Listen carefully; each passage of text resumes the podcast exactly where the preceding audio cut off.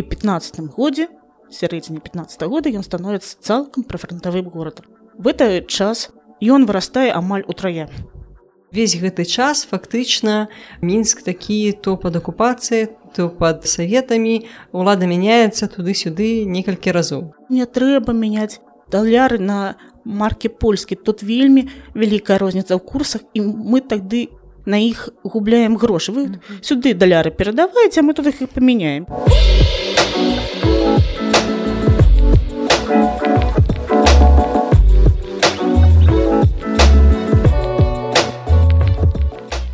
Добрый дзень шаноўнае гаспадарства з вами падкаст так склалася гістарычна я дзягель Ганна. Я рада сёння бачыць а вы чуць у студыі і на наших хвалях гостця вельмі цікавай спецыялізацыі Юлія латушкова. Дзень добры таксама вельмі рада быць з вами. Юлія займаецца гісторыяй грошай баністыка гісторыя папяровых грошай і грашовага абарачэння. І сёння мы паговорым пра гэта але не толькі пра гэта. Скажите ласка вось пра што мы сёння будзем гаварыць? Я думаю пра вельмі цікавы і няпросты час пра мінск наш горад і тое як жылі яго жыхары у 1914 1918 гады. То бок падчас першай сусветнай войны так А скажитеце ка ласка ці з'яўляецца вось гэты перыяд такім папулярным у даследаваннях і вядомым шырокім такім масам можна сказаць? Так ён вельмі вельмі добра даследаван але з пункту гледжання гісторыі палітычнай і ваеннай.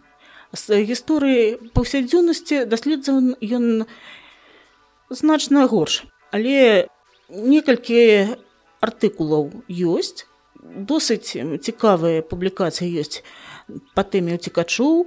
Ну але ўсе бакі гэтага вельмі складанага і разнастайнага часу разгледзець складана. А адкуль можам даведацца пра побыт пра жыццё гараджан пра жыццё звычайных людзей не вайскоўцаў не адміністрацыі падчас войны ну у першую чаргу гэта штодзённая гарадская прэса. Гэта газеты якія выходзілі штодзённа і дзе знатойвалася найбольш цікавыя найбольш актуальны на тот момант пытанні другой пласт крыніц вельмі цікавы але досыць мала вывучаны гэта дзённікі дзённікі і прыватная перапіска лісты суайчыннікаў і сучаснікаў. Ну і зразумела архіўныя справы А што ў гэтых архіўных справах можна знайсці? Ну, напрыклад, вельмі цікавыя дакументы пра распрацоўку бон горада мінска, которые мелі ўсе шансы стаць першай нацыянальнай валютай. Ну пра гэта мы яшчэ паговорым. Я бачыла наш план размову, гэта яшчэ будзе. Чаму мы разглядаем менавіта горад мінск, а не ўсю тэрыторыю Беларусі. Зразумейце, на Пры канцы лета 15 -го года яна была падзелена пополам лініі фронту. Заходняя частка была акупавана, усходняя заставалася пад кантролем расійскай адміністрацыі. Потым частка Беларусі паўдзённая, першую чаргу горад Гомель дашлі да Украіны. Гэта был кароткі перыяд, але ён быў. І вельмі складана разглядаць Беларусь в этот час як нейкую адзіную, аднастайную тэрыторыю. Вельмі розныя ўлады, вельмі розныя адносіны жыхароў да ўлад, вельмі розная сітуацыя. Амаль кожны горад меў свае нейкія асаблівасці і нават той жа слуцк, які здаецца зусім блізка да мінска і той вызываў у мінчан досыць змешаныя пачуцці. А чаму? Як яны адносіліся? Лічылася што там значна адрозніваюцца кошт. Лічылася што там лепей жывецца жыхарам ну і было шмат сваіх нюансаў. А што адбывалася вот у мінску ў гэты перыяд? То бок спачатку гэта зразумела гэта была тэрыторыя расійскай імперыі пачынаецца вайна і што адбываецца тут ну зразумець У 14 годзе гэта быў губернскі горад.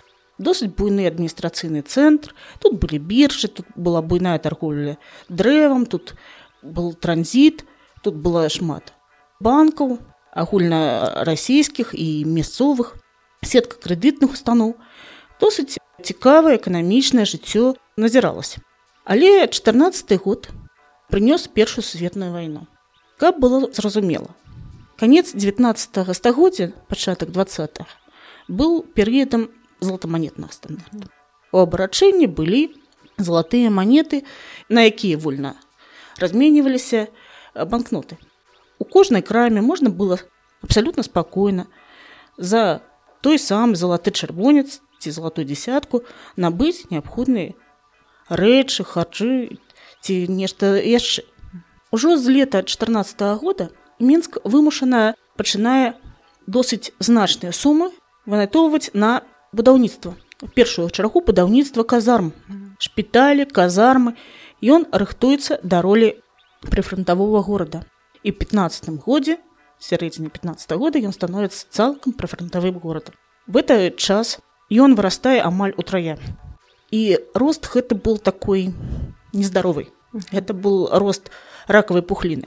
Таму что першую чаргу суды направляются вайскоўцы потым подцягваюцца уцікачы.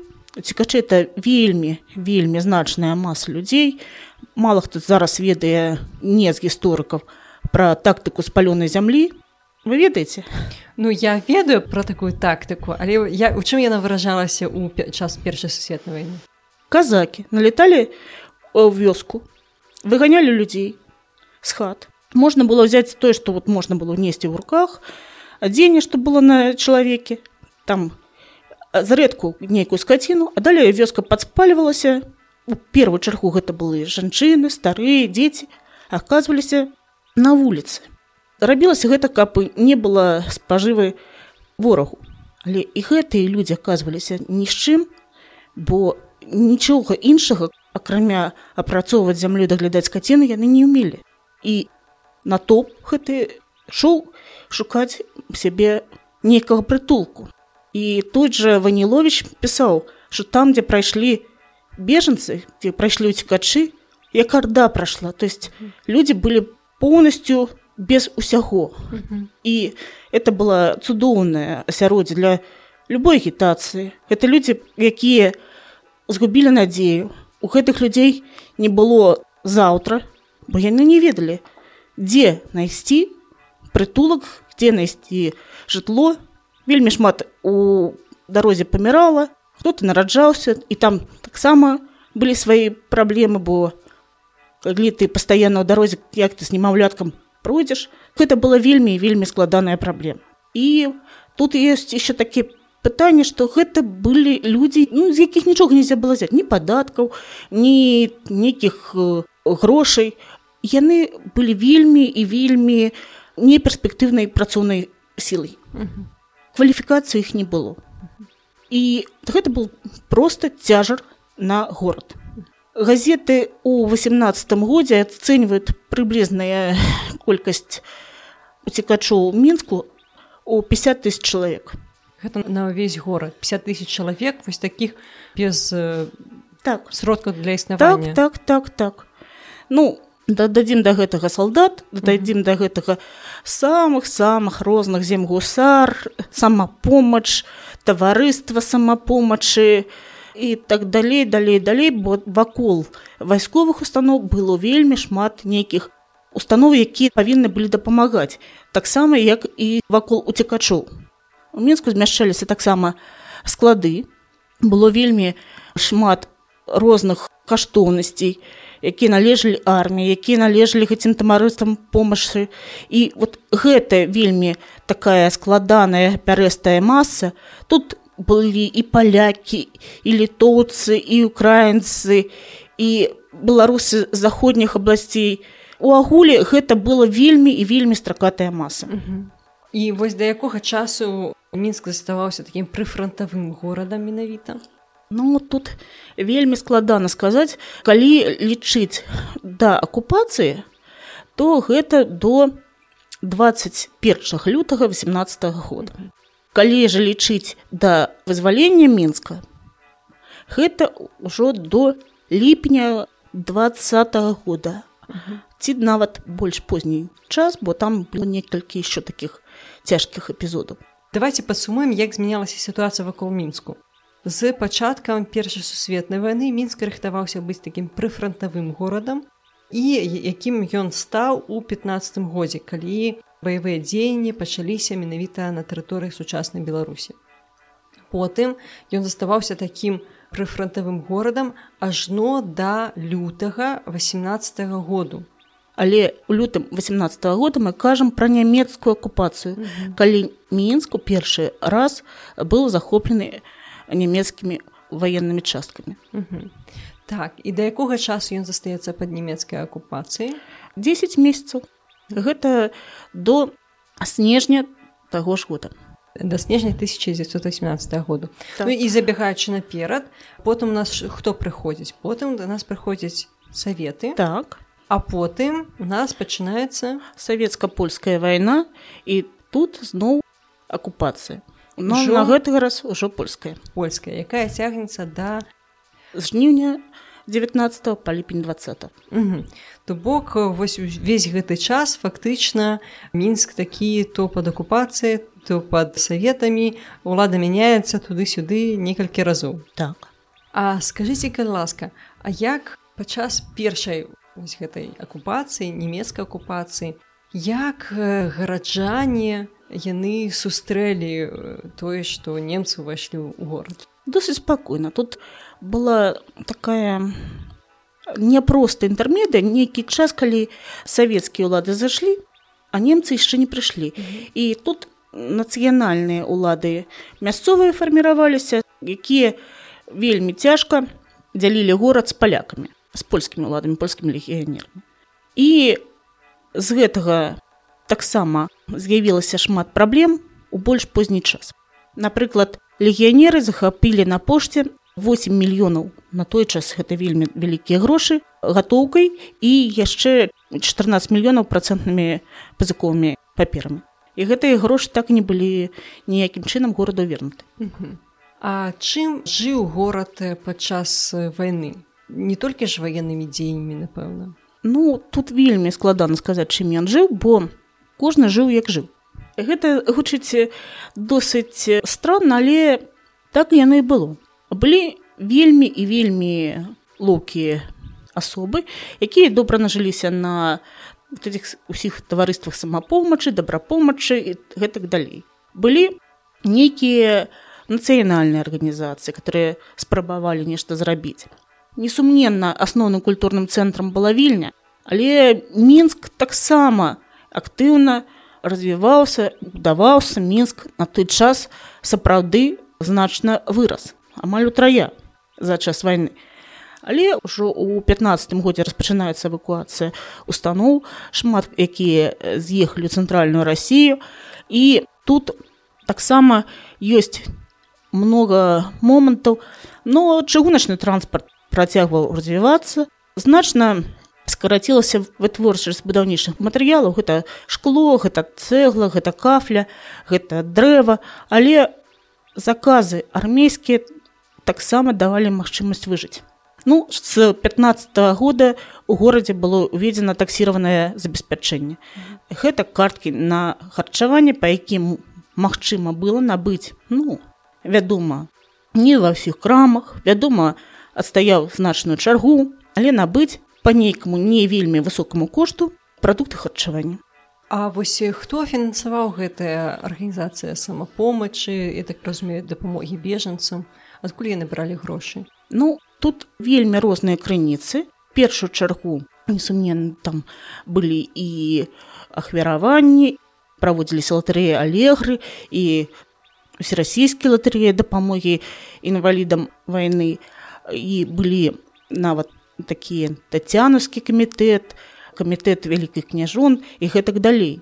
Але тут асноўная праблема была ў тым, што неабходна было нейкім чынам з цэнтральных рэгіёнаў, дзе былі асноўныя цэнтры эмсійныя у горад даставіць грошы.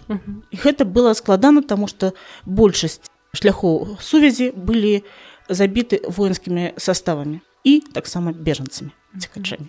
Такім чынам, калі мінск знаходзіўся пад уладай імперскай альбо савецкай канешне складана было даставіць нейкую дапамогу жыхарам гораду але гэта было ўсё ж такі магчыма. А калі мінск знаходзіўся пад нямецкай акупацыяй альбо потым пад польскай то ці была магчымасць дапамагчы гараджанам? Вельмі цікавае пытанне.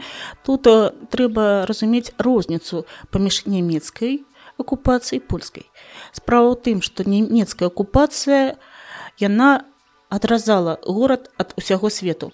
Кругом былі ворагі. Немцам ніхто не дапамагаў таксама як і саветам.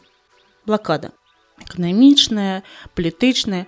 А вось польскія ўлады наадварот карысталіся вялікай дапамогай. Тут была і амерыканская місія і французская місія і вельмі вельмі шмат прыходзіла дапамогі ад раней эмігрававшых жыхароў беларусі і калі я сидзела в архівах напрыклад том же брэсцкім архіве былі цэлыя такія стосы папер дзе просто грашовыя пераводы за мяжы і першую чаргу з ЗША нават у мінскім кур'ерам публікавалі адозву да сяброў і родных за межамі беларусі што не трэба мяняць даляры на маркі польскі тут вельмі вялікая розніца ў курсах і мы тады на іх губляем грошы. Вы mm -hmm. сюды даляры перадаваеце мы тут іх і памяняем. Нічога страшна цікава. То бок у асноўным дапамагалі за мяжы менавіта дыяспара беларуская.